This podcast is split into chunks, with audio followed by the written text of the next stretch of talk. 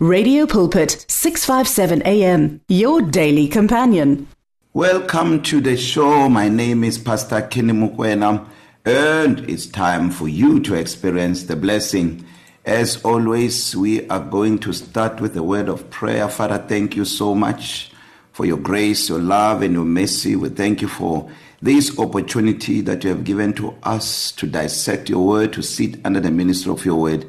I thank you, Lord God, that every person under the sound of my voice is blessed in the name of Jesus Christ. Amen and amen. So thank you so much for tuning in today. I hope you have been enjoying the series of teachings that we have been doing in the past couple of weeks. I am surely, surely, surely enjoying this. You know, every opportunity that I get to minister the word of God is such a privilege you know for me and I get to grow in the things of God with you as we as we deal with this. So thank you so much. Today we're starting a new conversation which I know is going to be such a great blessing to you. Um, we're going to talk about things that you probably may not have heard before but I hope you are ready for it. We are going to talk about the the the, the holy communion tithe connection the connection between the tithe and the holy communion. So uh, I've titled it Holy Communion Tithe Connection because there is a connection there. Um, before I even read my opening text, I just want to uh, uh, make you aware of what the two things mean. Firstly, the Holy Communion in uh, 1 Corinthians 11:26, the Apostle Paul says, Where, whenever you eat this bread and drink this cup, you are retelling the story proclaiming our Lord's death till he comes. I read that from the TPT translation, the Passion translation. So he says, when you partake of the Holy Communion, you proclaim the Lord's death. So that's the first part.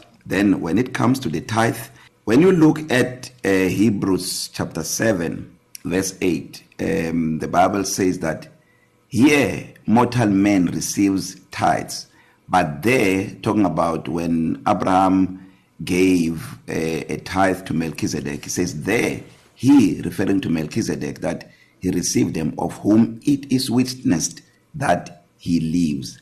Whom it is witnessed that he lives. So if you look at this, and I'm going to show you, I'm going to take you through a journey. You're going to enjoy this, especially if your spirit is open, you know, to hear new things which you may not have heard before. So um, you, you'll recall that when Melchizedek um, received tithes from Abraham, we see the combination there.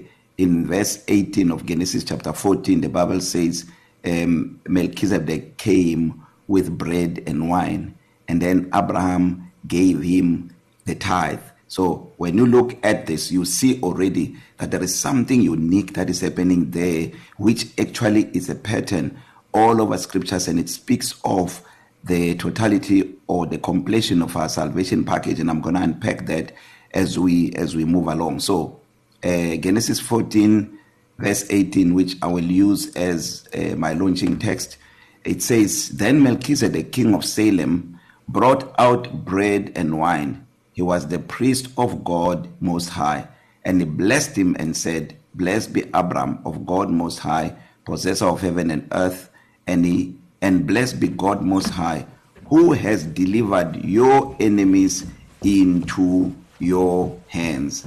Now if you look at this you clearly see that uh, Melchizedek came with bread and wine and Abraham brought the tithe. One of the things I want you to see right from the onset which is how I want us to depart from this message because today I'm giving I'm giving the introduction. We're going to go deeper.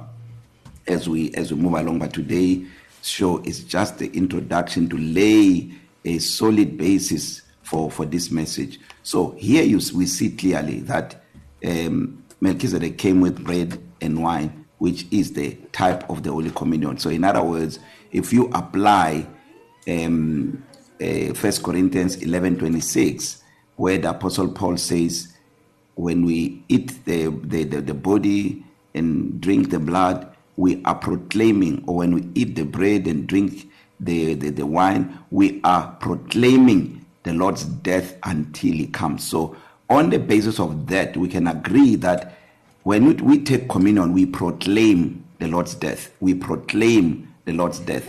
But we also know when it comes to our salvation that our salvation, in fact, came not only by death, but also by the resurrection. A lot of people don't understand that um, the, the, the salvation, our salvation, did not just come with his death.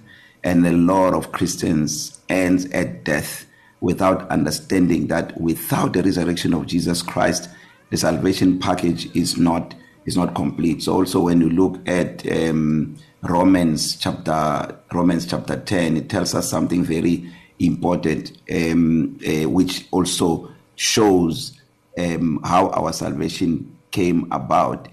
Um, in verse 6 of Romans chapter 10, the Apostle Paul says, uh, The righteousness of faith speaks an entirely different message and when we read it from the from the TPT the New King James says the righteousness of faith speaks this way he says don't say in your heart who will ascend to heaven that is to bring Christ down or who will who will descend to the underworld or to the abyss that is to bring Christ from the dead and then he says but what does it say he says the word is near you, in your mouth and even in your heart. This is the word of faith which we preach that if you confess with your mouth the Lord Jesus and believe that God raised him from the dead, you shall be saved. So if you look at this, that from verse 6 it says, Don't say in your heart, Who will ascend to heaven to bring Christ down? That is, to bring him to earth to come and die. Or who will ascend to the abyss? That is, to bring Christ up. So we see two things here.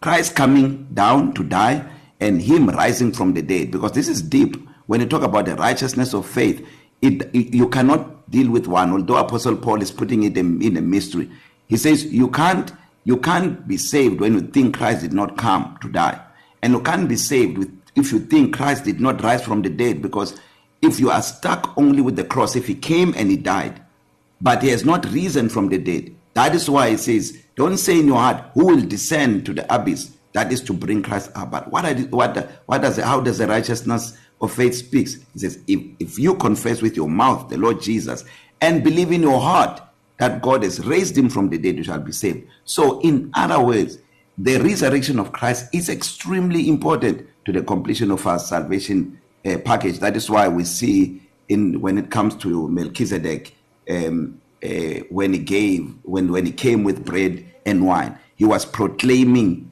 his death.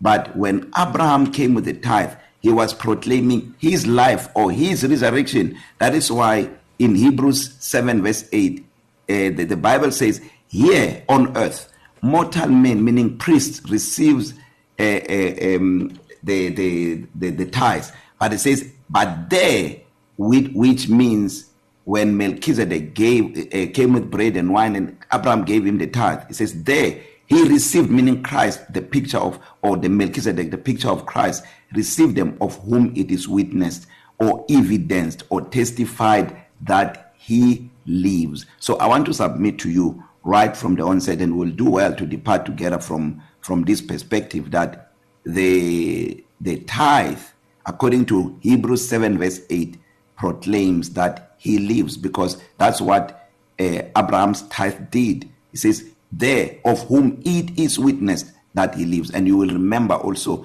when you read actually from verse 1, um, the book of Hebrews, chapter 7, it begins to define who Melchizedek is. And you will see when you read Hebrews, chapter 7, those are the credentials of Jesus. So we know that Melchizedek is actually Jesus in another form. He appeared as Melchizedek, but because of the credentials of Melchizedek we know that this is Jesus Christ and also you will not find anywhere else where we see Melchizedek manifesting himself except in this place in Genesis chapter 14 verse verse verse um 18 this is where we see Melchizedek you know appearing and then the book of Hebrews tells us that Jesus is our high priest forever or continually after the order of Melchizedek. Now, if we check the order of Melchizedek, because there are orders, there is the order of Aaron or the Levitical order, the Levitical priesthood. In fact, is the order of Aaron. But Jesus, oh, there when when Abraham gave the tithe, he did not give the tithe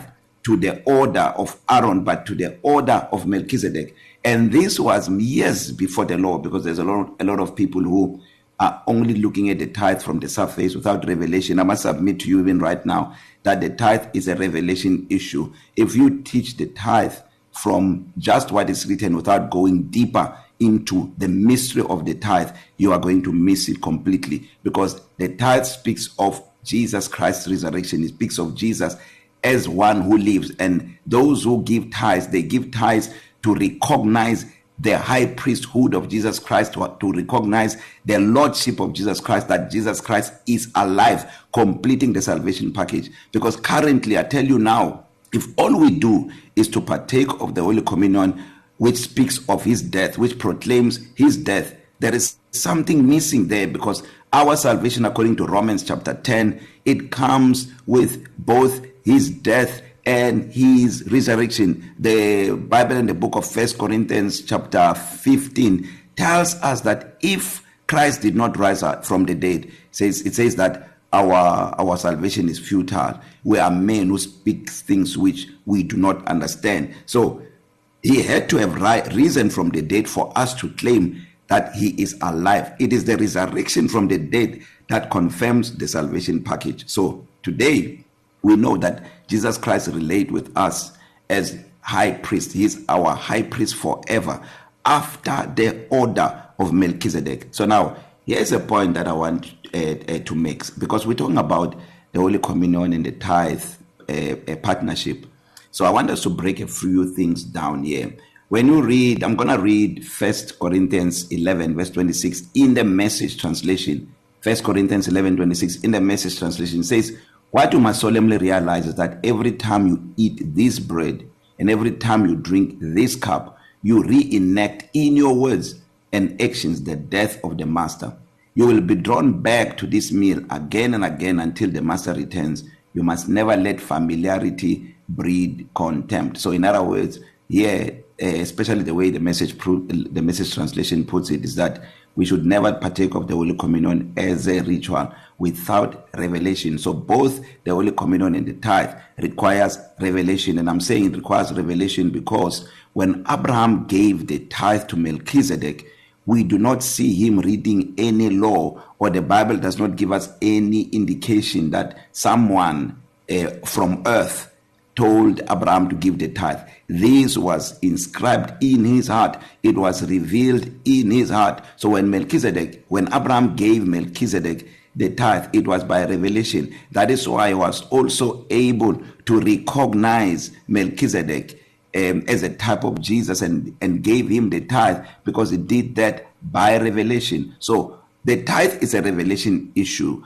We cannot preach the tithe unless we understand it's a revelation the same thing with the holy communion. That is why the bible says that many of those who partake of the holy communion unworthily without without the revelation of what this is all about he says many die or are sick and even die before before their time. They die prematurely without appropriating what the body and the blood stands for. So today i want to bring this aspect to you and we're going to deal with this as we proceed in in, in subsequent uh, uh, messages that everywhere you see the type of the holy communion you will immediately see the type of the tithe because they go like that. But it's deep. You need to understand this. Maybe just to close this to give you a, a simple example. In Genesis uh, chapter 3 when Adam and Eve sinned before God remember they sinned before God but what they did is they sewed fig leaves and covered themselves. When God came he removed the fig leaves and covered them with a with a with a, a tunic of skin or a clothing of skin. Blood had to be shed for that skin and that was the type of Jesus because Jesus Christ is our covering. But immediately after that in chapter 4 we see Abel who was a type of Jesus the second born of Adam and Eve giving the firstborn because the tithe comes from the firstborn. Many people don't know that the tithe comes from the firstborn. So when when tithe is is is number 10 and that number has got so much significance in the realm of the spirit. It speaks of the oneness that we have in Christ. That is why we have 1 0 there which the number is not the 0 but the 1 but then the 10 itself speaks a lot of mysteries because even in the garden of Eden there was a tree there that was the type of Christ. In his crucified state that one zero. But there was another tree there which is the tree of life which speaks of his resurrection. That's why this tree of life you will also find it in the when we go to heaven it's also in the in the in the um, uh, book of revelation. So in other words what i want you to see is that everywhere you see the picture of the blood the shedding of the blood which is the holy communion with the the proclaiming of the death of Christ immediately you are going to see the tithe or the firstborn which speaks of his resurrection. That is why in the book of Exodus chapter 13 the children of Israel were released after they partook of the roasted lamb which speaks of Christ in his crucified state. And immediately in Exodus chapter 13 verse 1 and 2 the bible tells us that God commanded Moses. He said consecrate to me the firstborn. All that open the womb from now on it is mine. So now I will show you this. Everywhere that there are traces of this where you see the the type of the holy communion you will see the type of the tithe. And these two goes together because they speak of the mystery of our salvation which first is a picture of Jesus Christ in his crucified state and then the picture of Jesus in his resurrected state. The holy communion proclaims his death but the tithe proclaims his life. That is why Hebrews 7 verse 8 says here on earth mortal men receive tithes but there when Melchizedek received the tithe from Abraham he says he received them of whom it is witnessed that he lives. I pray in the name of Jesus Christ that will open your spirit and understand this and receive this not from a human point of view but from a spiritual point of view because you need to be in your best moments insofar as your spirit man is concerned to be able to process this. If you try to reason this from logic and understanding you're going to miss it. If you look at Abel you look at Abraham they both gave the firstborn but when they gave the one gave the firstborn the other one gave the tithe and both of them it was a revelation. I've run out of time. Let me pray for you. We're going to proceed with this the next time. So i want to pray for you if you're not born again you've not made Jesus the lord of your life just open your heart and make this prayer after me. Say lord Jesus i receive you now as my lord and my savior. Amen and amen. If you made that prayer, you are born again. You are my brother, you're my sister. I will see you in heaven. Love you so much. God bless you and may you experience the goodness of the Lord every moment of every day. Until we meet again next time. The words of the Lord are words of life. Your heart is on 657 AM. 657 AM. Radio for believers in action.